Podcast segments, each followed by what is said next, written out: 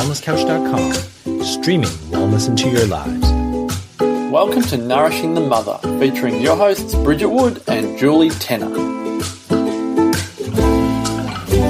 Hello and welcome to Nourishing the Mother. I'm Julie Tenner. And I'm Bridget Wood, and today's podcast is sponsored by Ecology Skincare, who recently featured as a collaborator in our retreat.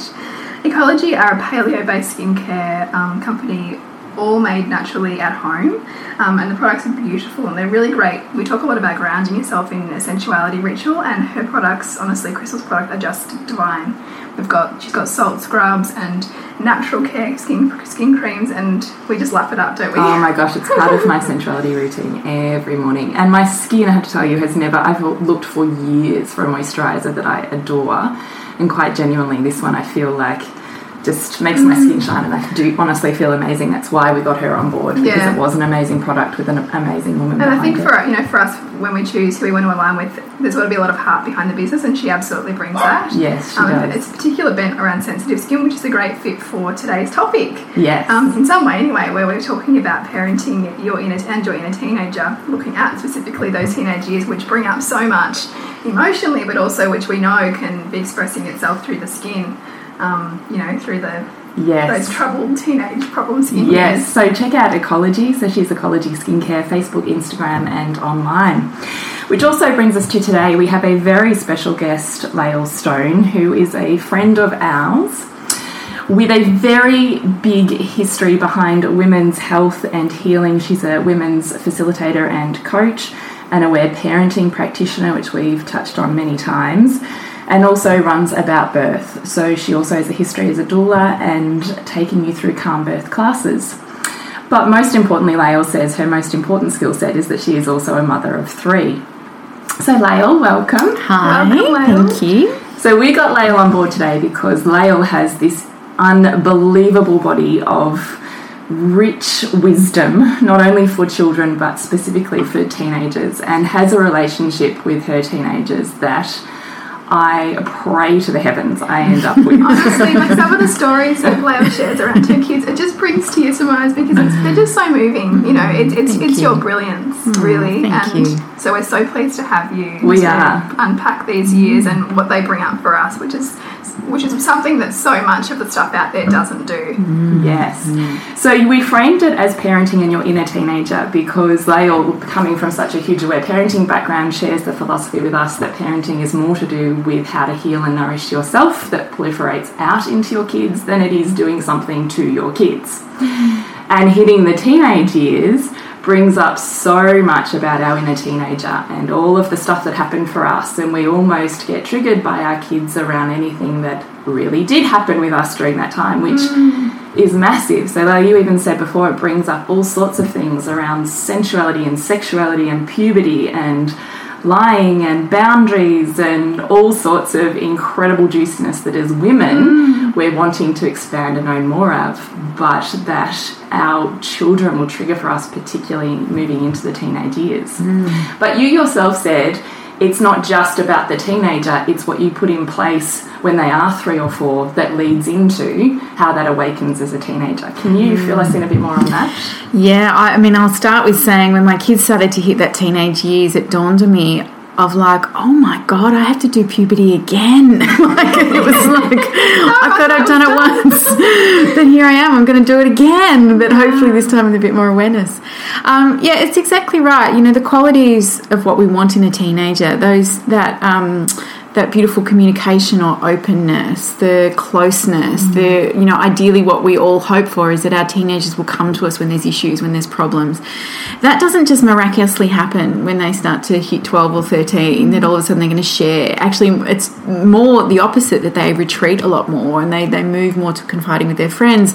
So if you don't already have the foundation of connection and opening and sharing, then you will find it's very, very difficult to be part of where, where your teenagers world is. So, a lot of what I have learned and, and worked with is that it's when they are two and three and four that you are setting up the foundation mm. of how you want your teenage relationship to be. So, in those young years, when your children are losing the plot because, you know, their Lego piece fell over or, you know, something happened to their drawing and they're really, you know, upset and having a big meltdown about it. And if you're like, oh, don't worry about it, it's just a Lego, or don't worry, you can draw another picture, really what you're imprinting with your child then is like your big feelings, they actually don't really matter. You know, and even as we're as an adult going, really, it's a picture, it's fine. But to that little three year old, that picture is their world. Mm. So what we imprint in our kids when they're really, really young is that limbic story of actually, mum and dad will hear me no matter what is going on. And if there's something I know, it's that when your kids become teenagers, what they need is a safety net to come back to, to know that whatever they're coming to you with is okay and it's safe. And the more that we can practice that when our kids are little, the better we will be at, at being okay with the not okay, really. And I think that as I look at it now, navigating my, my kids, that all those years of listening to their feelings, all those years of staying really present and anchored with them has given me such a good foundation to be able to sit there to hold whatever is happening for them as teenagers. Because as teenagers, it's a little bit more, um, let's just say it's a bit scarier. They have the vocabulary, which your three year old doesn't, right? so sometimes I think it's like parenting teenagers is like parenting a three year old, but with a better vocabulary. um, yeah, yeah, totally. Yeah, yeah. That, you know. And they can get around.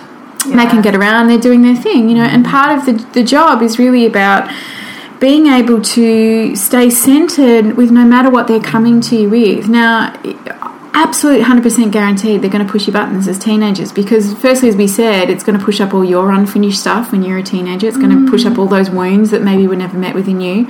And two they're going to challenge what your idea of how life should look should be. Mm. so for example my son um, he's an amazingly he's an amazing kid. He's nearly 16 yeah so really, really smart kid, but just not into school at all. You know, it's not his vibe. Like he's actually very, very intelligent, but he's a very physical kid. He plays soccer at a really high level. You know, he's really dedicated to his sport. He trains five days a week. He's very into looking after his body.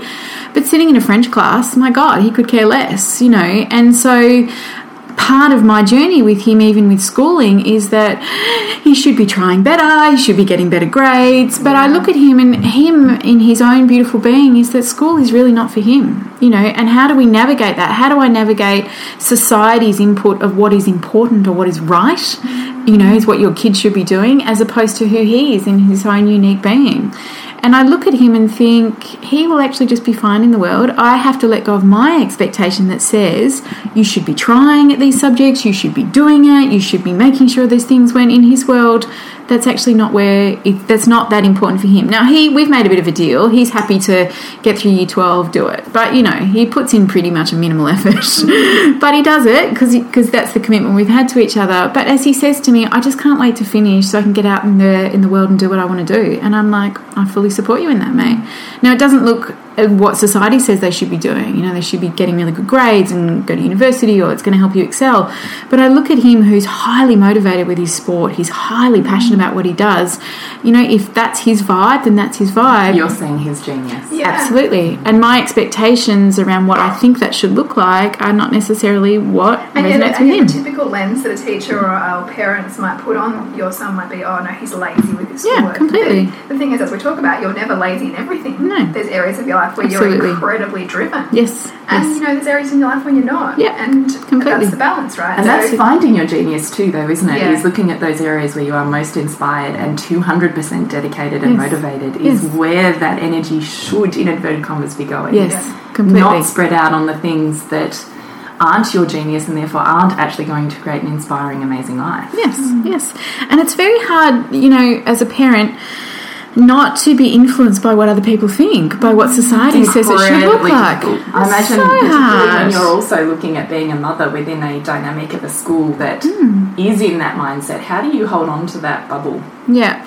Well, I think the thing is, it's about taking a step back and looking at your child, and as you said, seeing the magnificent being they are. Now, my son is highly motivated when it comes to earning money. He, like, he, you know, for a long time he had three jobs going be- because he loved the idea. Yeah, totally. That's I look at him. He, you know, he he loved earning money. He went to France last year on an exchange, and we said, "We'll pay for your ticket. You need to pay for your spending money." So for six months, he worked his little butt off. You mm. know, he was he was soccer refereeing, he was babysitting, he was cleaning people's gardens, he was So he washing windows. focus and Absolutely. and all of those things that you know Yeah. school would say you need to demonstrate for your schoolwork Completely. in another form, Absolutely, totally absolutely, okay. and and I think it's when you stand back and watch and you see what it is, then you actually go, okay, he's just doing his version of what mm. life looks like. Mm. And I, I laugh because both my husband and I, you know, we have been entrepreneurs our whole life. We started, I started my first business at nineteen. My mm. husband as well. We've never done it the way mainstream does it. Why would he do it? like, you know, and so I think it, it's very tricky to not get sucked into what society says our children should be, and mm. particularly for our teenagers. And I think teenagers are such a misunderstood generation, you know. And often in my parenting talks, or when I'm talking, um, you know, working with birth and talking to parents about babies and stuff like that, and I talk to them about teenagers, I say teenagers are the most wonderful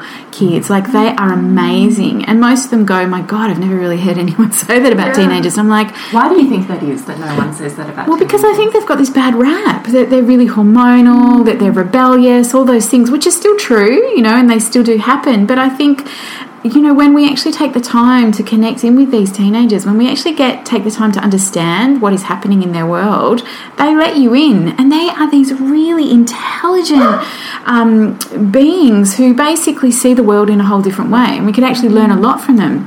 Um, Dan Siegel, who wrote Brainstorm, which is an amazing book, um, which talks about the teenage brain, really talks about it so beautifully in that book around the fact that we actually could learn so much from teenagers. And the problem that's happened is that the older we get, the more rigid and tight we get, right? And teenagers are the exact opposite. They're all about finding edges and, mm. and new things to And the same explore. can be said for three, two, three, four year olds as well, Completely. isn't it? You know, Yeah. they're constantly asking you to come Yeah. and join them in their world. Yes, yes, completely. And I guess how much you join them in that world is also how much your teenager will invite you to join them. In Absolutely. Their world. And I think the thing is that we really, what Dan Siegel talks about too, is that actually, in hindsight, we could actually learn a lot from teenagers mm. because the older that we get, the more rigid we've become. And actually, what we've lost is that ability to think outside the box, to, to be more fluid, to take risks, you know, because that's what teenagers are about. They're about trying to find those risks and those edges that they can do.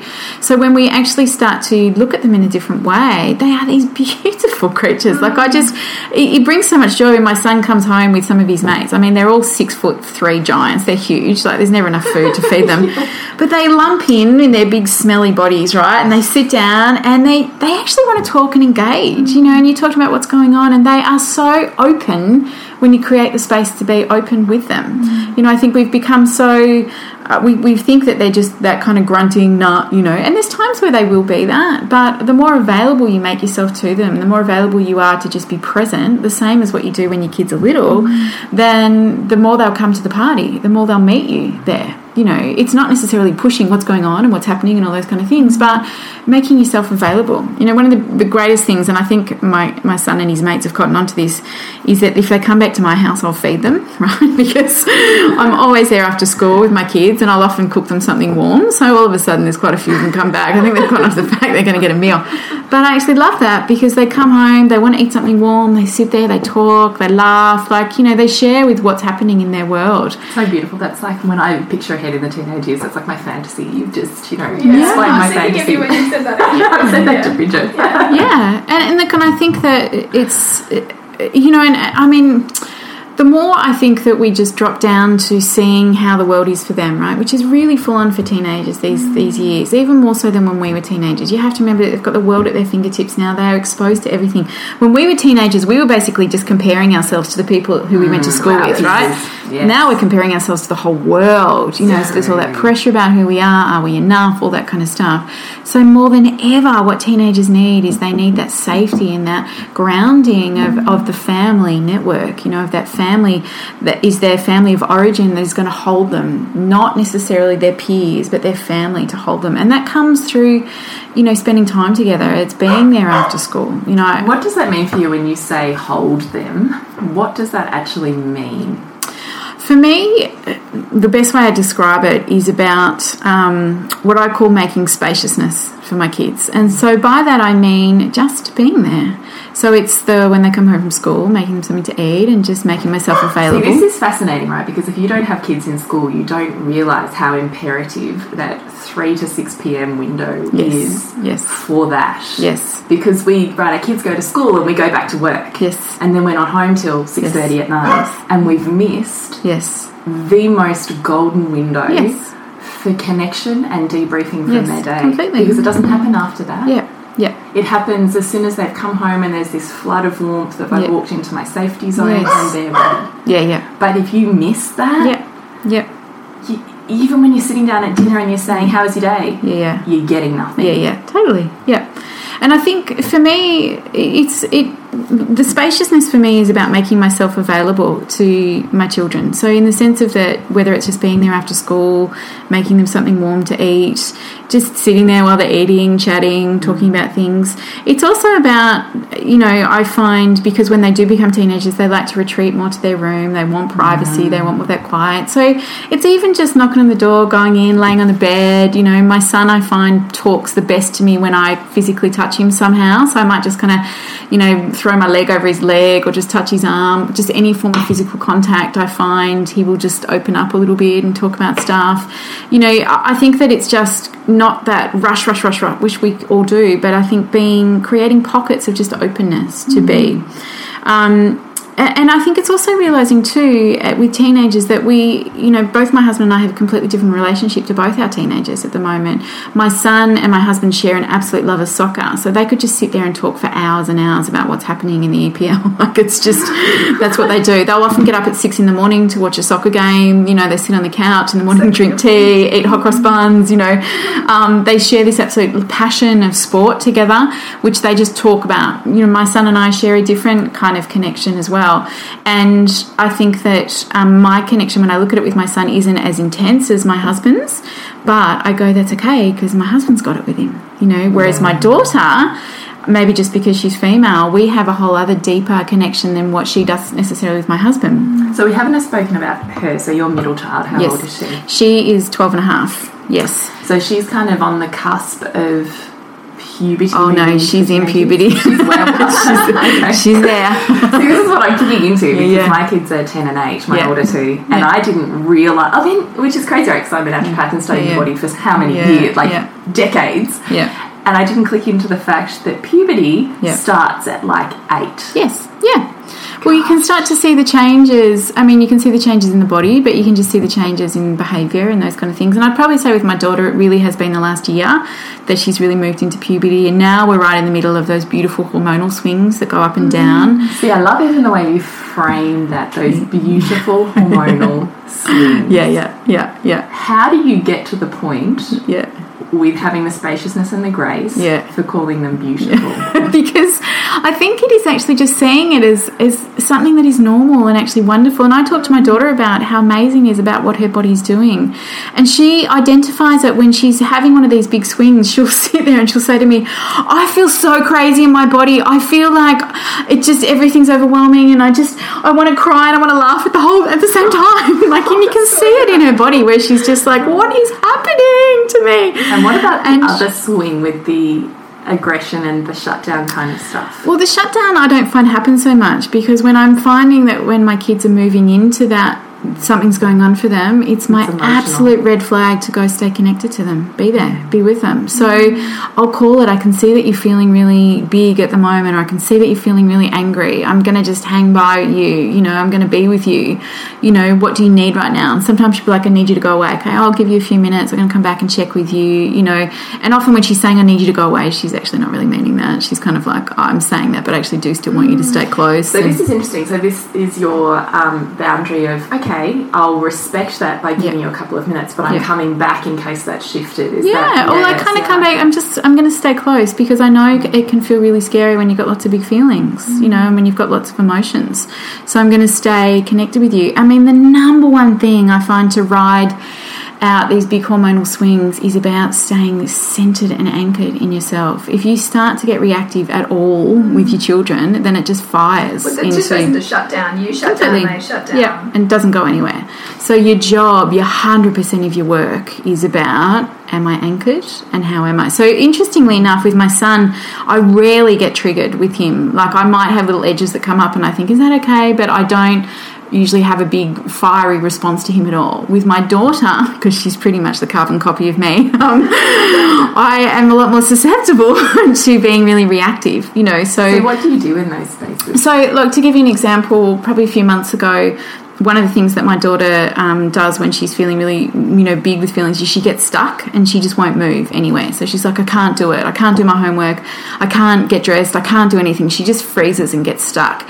And it completely pushes my buttons because it's exactly what I used to do when I was a teenager. Oh my God, this is like me and my daughter. Yeah, okay. this is like you're like my perfect mirror. right so she and and the first one or two times it happened i got really triggered and i found myself going just move somewhere just do something you know which is so not me to yell. Like it's very very you know i know that i've reached an edge when i'm yelling because i don't really yell at all with my kids. So you know that that happened once or twice with her where she was really stuck and it was a really big red flag to go well, there's something going on for me here. I really need to find out what this stuckness is with me. And so i just basically sat with myself and kind of did a little process to go okay so when i was 12 and i was stuck what happened? And what happened for me was nothing. I just had to be in my stuckness. No one helped me. No one listened to me. No one really saw what I was going on. I don't feel like anyone understood.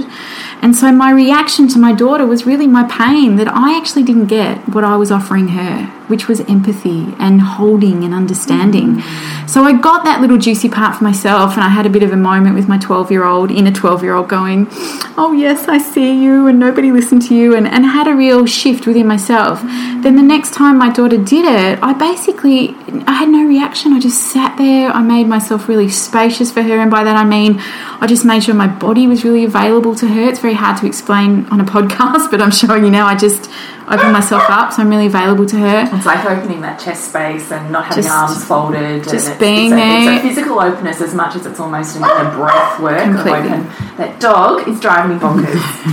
it's just that there was holding. That's all I was doing. I was holding her, and basically her stuckness moved so beautifully. Like she was just mirroring really what my so stuff once you get present with yourself at that age, you were no longer needing to be plugged into her. She didn't Completely. reflect that to you anymore. Absolutely, absolutely, and she moved. She completely moved. Her stuckness moved, and then we had really beautiful conversations around when you're feeling stuck. What I would, I said to her, "What do you need from me? What would help you? What do you think helps you?" And I have to say that since we navigated that, that was a few months ago. She actually hasn't been stuck ever since. You know, she'll catch it in a slight moment if she feels overwhelmed. She'll say, "I feel overwhelmed. Can you help me?" And then it'll move. and so when she's saying, "Can you help me?" What are you exactly doing? Is it that spaciousness? You- Yeah, or it's just that I'll be like going, okay, what? Tell me what you need. Let's write down what you're feeling overwhelmed with. You know, so she might be like, I've got So to do this job and I've got to do this, or you know, sometimes we write it down. Sometimes it's just in the listening. Sometimes it's making a bit of a plan. Okay, what if we do this, this, and this? Does that help you feel a little better around what it is? It's just, I mean, here's the beautiful thing: kids actually have all the answers they need. So often I'll say to her, "What do you think you need to do? Tell me, tell me what you see as as what we should do to help navigate this." And she'll come up with it, and I'll go beautifully. Because they're so deeply connected to their intuition and they, they know what they need, don't they? You know, much better than often we do. Yeah, mm, yeah. Just giving them the space to connect that for themselves. Yes. And I think that the teenage thing too, because there's so many factors within it. We've got the hormonal factor, you know, and, and if we tap back into when we were teenagers, most of us felt completely misunderstood. We thought we were completely on our own. We kind of clung to life to our friends because they were going through it, but probably most of us didn't really have that true heart open connection with our friends. There was often a lot of jealousies, particularly as girls, those kind of things. Yeah.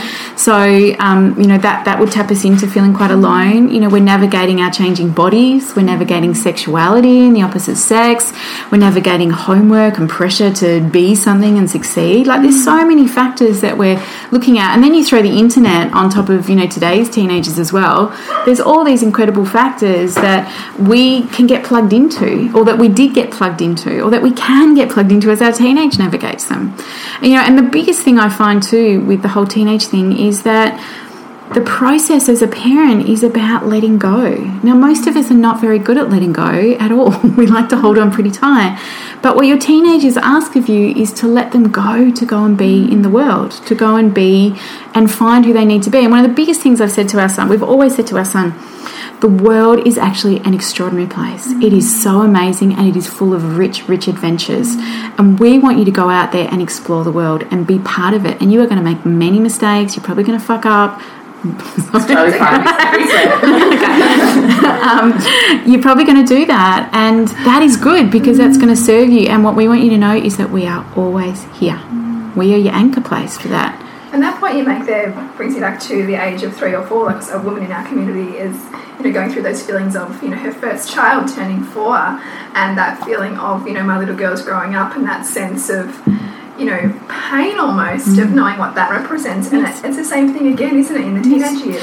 And you know what it is? What I find is actually incredibly damaging is if we try to hold on to our teenagers, if you try and hold on to them, you're trying trying to keep them safe and controlling them. But don't you think that's when you're holding on to yourself Yeah. as opposed to holding on to them? That Totally. they've become the vicarious living structure of you Yes. and you're holding on to a part of you that's wounded that you Yes. have not yet dealt with.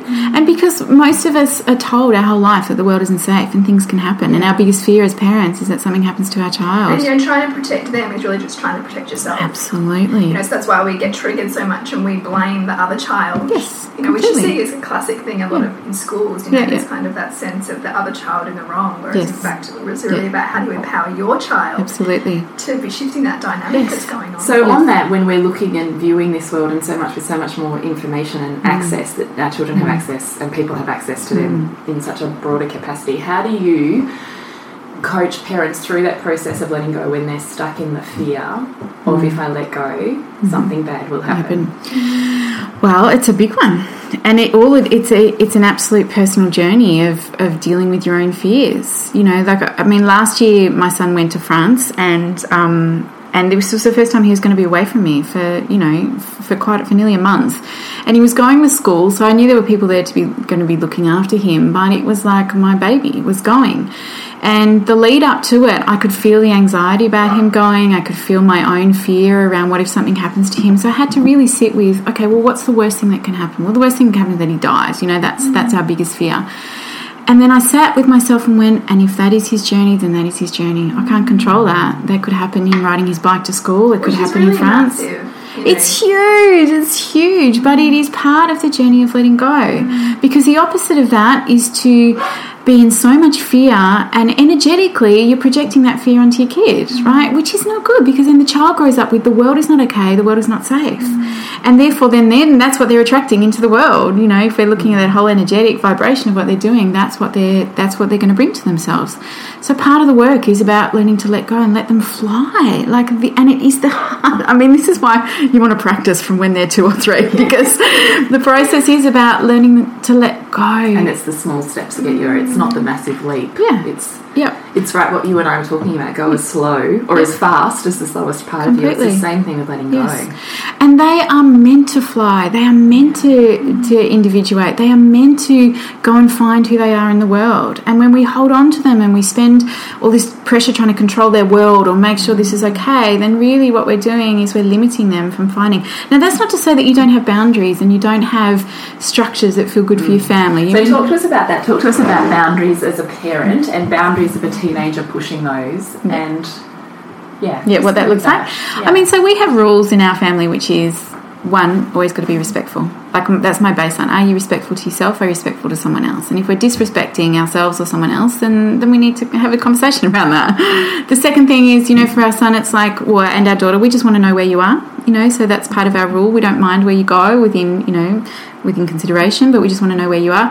And you know, you have to be home at a certain time. And really, we our biggest thing is about honesty and integrity with each other. And they're the found, they're just the basic principles we've we've instilled in our kids from a really young age. You know, and we don't have many other boundaries around that in the sense of that you just go out and be in the world. But that's you know that's our holding for you, right? And so I have to say, for a nearly sixteen year old son, there really hasn't been many edges or boundaries he's pushed at all. I think in him since being through puberty, there's been once where we've had really big words around something. I can't even. Was he wanted to go somewhere and we didn't feel like it was appropriate for him to go, and that just was a really big catalyst for some massive feelings. So my husband and I just kind of held that. It was it was tough, but we held it. Um, apart from that, that's really we haven't had slamming doors or you know our thing is always about communication. So like I shared with you on Saturday night, um, my son actually did lie to us about where he went, and so I, I my mother intuition beacon was going off, and so was my husband's, and we were like, okay, well, I think we know he's not where he says he is. And so he came home and we asked him again, Where were you? And he said where he was. And I said, Do you want to try again? And he goes, Yeah, I was actually here. So the thing wasn't to me that he lied, the thing was why. Why did you lie? And so then I said to him, Why did you lie, buddy? And he said, Well, I went to a girl's house. I went to see this girl and and I like this girl, but I didn't want to tell you because you guys get so excited when I when I'm talking about girls with girls, and I don't want you to make a big deal about it. And it was actually beautiful, and the three of us were laughing. My husband and my son and I we were actually to set the scene. We were all laying on our big king size bed, arm in arm, having this conversation about it. And I absolutely looked at my son in the eye and I said, I completely own that I probably haven't honoured your boundaries around that and your privacy around that, and I will absolutely honour to do that. And I'm sorry if you haven't felt that it's safe enough. I feel like I'm actually let you down by not creating safety around that because you know we've had lots of big conversations in our house about sexuality and about not having any shame and all those kind of things. So so I realized the thing that I was trying to create, I was actually over pushing. so I pulled back, I owned that. And then he owned, yeah, I'm sorry, I shouldn't have lied. And so then I just went, so what have we both learned? And I said, I've learned that I'm really going to respect that for you. And he learned, well, I just, I won't lie, I'm sorry. And, and then we basically all just laid there kind of giggling and laughing about certain things. And then, um, and then I did as I said to him, you know, what do you reckon would have happened in other families? And he said, I would have been grounded for sure. And that beautiful thing I said to him is, and what would have that done? And he said, it just would have made me lie better. You know, and in that moment, I just looked at it and thought, you know, something that could potentially be a big deal that other parents would be very triggered about. I actually looked at as a pos- as an opportunity for learning, for healing, for us to go, what's going on here? It doesn't need to be yelling. There doesn't need No, to so not be communication. steps, crucial steps that you've done in that. One is not moved straight into your trigger. You've looked at instantly. It's not in our version of equilibrium and boundaries. So why? Hmm. So you've moved beyond what's happened to the why has it happened. That's the first crucial step, which you've then invited him into the discussion of. Yep, yep, And then your second crucial step is you took ownership of your role in that. yep, Even though you didn't tell him to lie or you didn't, you know, whatever, yep. you've taken ownership of your role in Yep. his feeling like he needed to, which Yes. are two massive steps that in general mainstream unconscious parenting Yep. and look we're all guilty of it too it's not like we can be conscious all of Yeah. the time Yeah. Yep. Happens And here's the beautiful thing about this, because then we opened up this lovely conversation about girls and having them over and feeling comfortable in our house, and and so we had this beautiful candid conversation about that. And then the next day, he's like, "Oh, can she come over?" And then you know, yeah, she came over. And the last few days, she's been over in our house. like you know, all of a sudden she's here. It's open. It's you know, moment, right? So you also don't want to do away with any of these little stumbling blocks Hmm. on the journey because they can be a massive pathway to awakening awakening and deeper connection. beautifully. So- and conversations that otherwise there's no Wouldn't reason have happened. So in fact, him Yeah. lying to you in that moment was actually an enormous benefit for you all getting to that next stage. Completely, completely. And I think the thing is too, you know, we have said to our son, all our kids from a young age, you know when you're in balance and you also can feel when we're out of balance, right? So mm-hmm. most parents when they are firing off at their kids it's because they're out of balance. And we have said to our kids from very young age, if you see mum or dad and we are out of balance, you have to call us on it. You have to say you are not talking from your heart, right? So even as a 10 year old, I remember having this conversation with my son, and I'm like, and, and really, it's probably more so my husband that will sometimes turn into his father, you know, that knee jerk Yeah. reaction we become our parents. So sometimes my husband will turn into his father and start talking like, uh, like Papa Gal, as my son calls him. And, um, and at that, and at those times, what my son will do is going, "You sound like Papa," which is that trigger for my husband to go, "Oh my God, I'm completely out of balance, and I'm talking like my father." You know, who would so often be a bit full on. moments Who my your husband He will. He'll get it. It actually snaps him out of being really reactive right? So we have to remember too that our default most of the time is to go back into our who our parents were or how we were parented. Yeah, all that patterning. Yeah, completely. And so, one of the big things I've always said to our kids is that we, as empowering them to actually call us on our crap. Like, mm. how amazing is that? Can you think about if you were a kid and a teenager and you knew your parents were acting out of fear and irrationality, and you actually could stand there and say, Mum, Dad, you're actually not in your truth here. And I don't really feel like you're honouring me or honouring yourself. Like, can you imagine? Yeah. Yeah. And so again, that's what we've been really instilling in our kids is that this is a mutual relationship here. And we've said we are making this up as we go along, right? That's what we say to our son all the time. We're learning as much as you are. So when we you feel that we are not in our integrity, then you have full permission to call us on that. That, I mean, that to me is really practicing that idea of your children being just as much of a teacher to you as you are to them, Absolutely. and demonstrating that. They, yeah, they, they are more of the teacher than I am to them, without doubt, without doubt, because they've come into my world to help me move through and process all the stuff that I haven't really, proce- you know, haven't healed or navigated, mm. and I think that. You know that practice too of really saying to your kids, you know, you are your own authority here, and you know what it feels like to be in balance and what it doesn't, and you know when we are and when we're not. So I want you to call. I give you permission to call that. That's a huge responsibility. I don't. I mean, sometimes I think about when I get into the headspace of overwhelm. Mm. I don't know if I could have the mm. spaciousness to mm. even tolerate, or ha- not tolerate, but to actually really Yeah. Take. Like you- you're saying, your husband goes, "Oh no," it snaps him out of it. Whereas I'm thinking, shit, if my kid really did that to me, and I'm in that mm. reactionary, out of mm. my body phase, I'm mm. there because I'm in overwhelm, not because Yeah. I'm in my consciousness Yes. of holding a particular energy. Yes. I don't know that I could do it like Yeah. that So quickly. Yeah. But maybe it's, I mean, maybe it's not even about the snap. It's about just that, whoa, I need a time out here. Because I actually, they're calling me to say, Mum, you're not actually all right. Yeah. You know, and that, even in that moment, it's like, okay, let's walk out of the room, let's take a deep breath, let's go outside for a what I was minute. thinking, yeah. That really is about, let's come back to what's going on here, which is that. And that's, I guess, the way that you do that is about being open about what's going on for you. Like, you know, I'm sorry, some big stuff. You know, I'm feeling really angry right now. I'm Yes. feeling really frustrated right now. Yes. and role modeling how to get back into Yes. your body. Yeah. Yeah. And look, you know, I mean, this is not so much when your kids are little because they're, you know, they're, they're navigating and learning how to be in the world. I find that as a teenager, though, that this is something that's really important because it is about that mutual respect. And I think this is where a lot of the stuff with teenagers falls apart, you know, is that they are actually really smart, intelligent, incredible beings who actually are seeing the world in a whole different way. And we could learn a lot from them.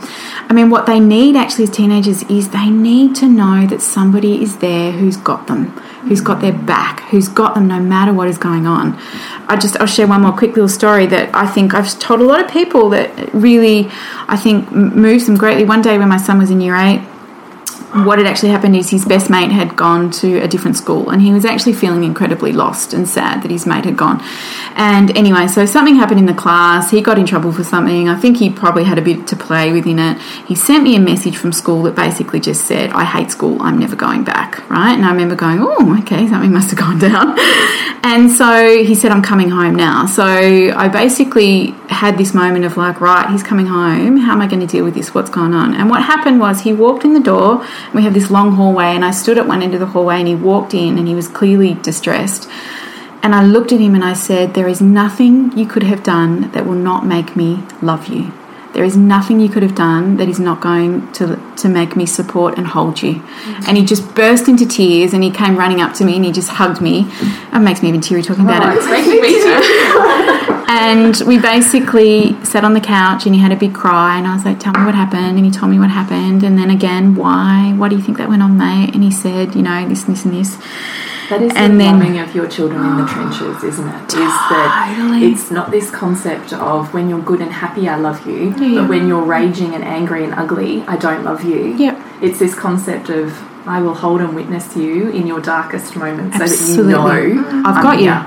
And, And you know, you asking the why too, as Yeah. opposed to you going into advice mode immediately. Yeah. It's just you simply providing the space. Totally. And I just said to him, I've got your back, mate. I've totally got your back. Whatever you've done, you'll have to be accountable for, but I've got you back, right? And so we had to actually go back to the school that afternoon to talk to the teacher about it. And he's like, I don't want to go. I'm like, I know you don't want to go, but I'm going to be right beside you and I'm going to be with you and we'll be accountable together, right?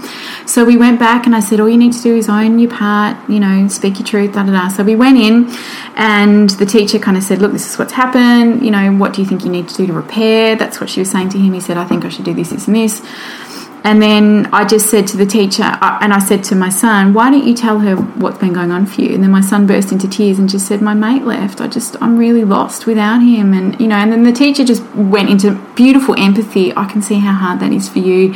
And this moment that could have potentially been really like, "Why are you not behaving?" and "What's going on?" was just so healing and magnificent. And we walked out of that meeting, and I looked at him. I go, "Are you right, buddy?" And he's like, "Yeah." You know, he just gives me a smile, which is just that knowing, "I've got you." Yeah, and it was magnificent. And I'm, you know, I mean, I kind of They're the memories you just keep somewhere in your soul, aren't they?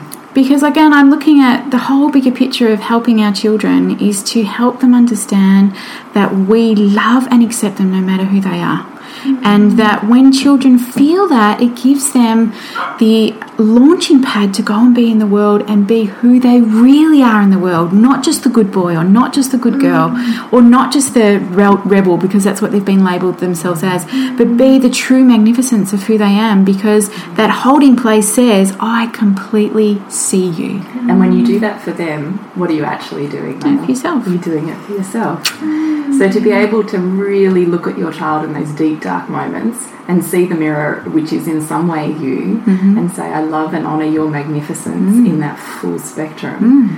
How fucking powerful is that mm. as a woman wanting to own and embrace all of who she is and create a life that completely is inspirational? Yeah, because you have to remember, right? We can say things to our kids, we can try and get them to do things. Their learning and their imprint comes from our behaviour. So if you are not authentic in your being, if you are just saying words but not living them, then that's what your kid's going to get.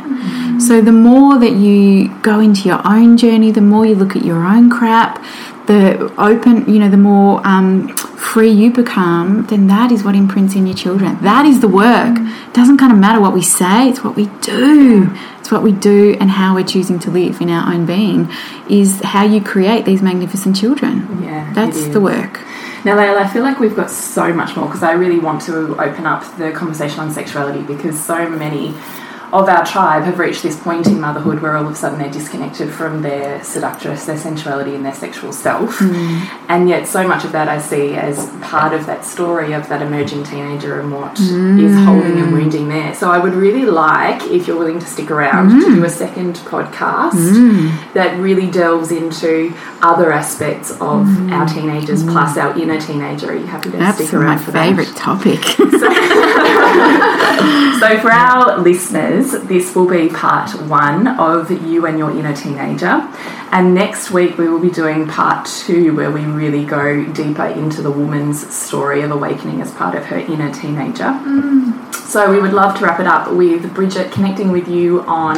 Yes, suburbansandcastles.com, and our film coming up in April is Future Dreaming. So it's looking all about how we've got so out of touch with the way that nature operates, and we're trying to force ourselves upon the natural rhythm of the world. And when is that on? That's the 13th of April. Good. And to connect with me is on thepleasurenutritionist.com and to connect with us is on Facebook. Um, what are we? Nourishing the Mother. we are working on our website at the Yes. moment, so that will be up soon with a whole heap of resources and amazingness. So until then, please check out our Facebook. Please rate us on iTunes. We love your emails and seeing how these ripples are really awakening aspects within you and your lives. So please share with us because it certainly keeps us going and with your tribe. So until next week, when we continue to peel back the layers on your mothering journey.